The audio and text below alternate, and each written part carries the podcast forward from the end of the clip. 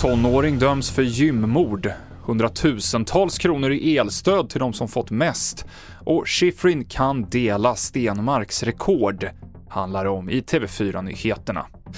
En 17-åring har idag dömts för mordet på ett gym i Stockholm för snart ett år sedan. En man i 50-årsåldern sköts till döds när han försökte stoppa gärningsmannen. Av allt att döma så var det en annan man som befann sig i lokalen som var den egentliga måltavlan.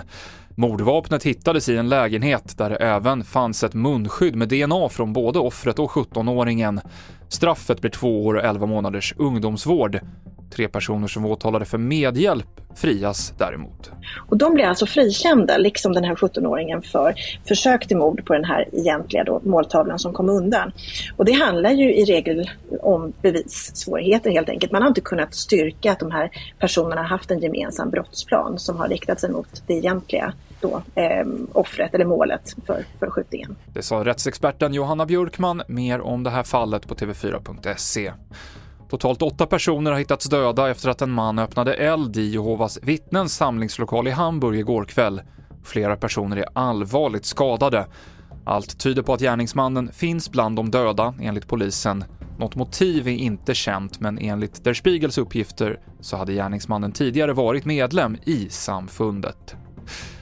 Den person som fått mest elstöd i södra Sverige har fått 773 669 kronor utbetalda enligt siffror från Försäkringskassan som TT tagit del av.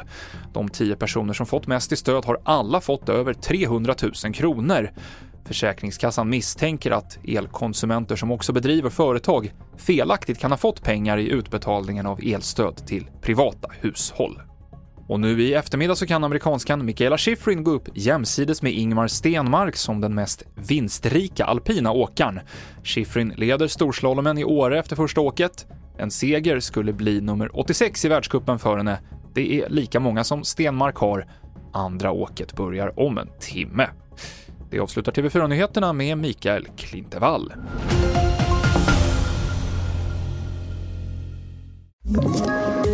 Poddtips från Podplay.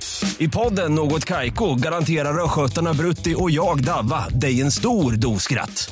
Där följer jag pladask för köttätandet igen. Man är lite som en jävla vampyr. Man har fått lite blodsmak och då måste man ha mer.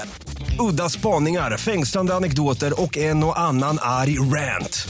Jag måste ha mitt kaffe på morgonen för annars är jag ingen trevlig människa. Då är du ingen trevlig människa, punkt. Något Kaiko, hör du på Podplay. Därför arkadeinerna.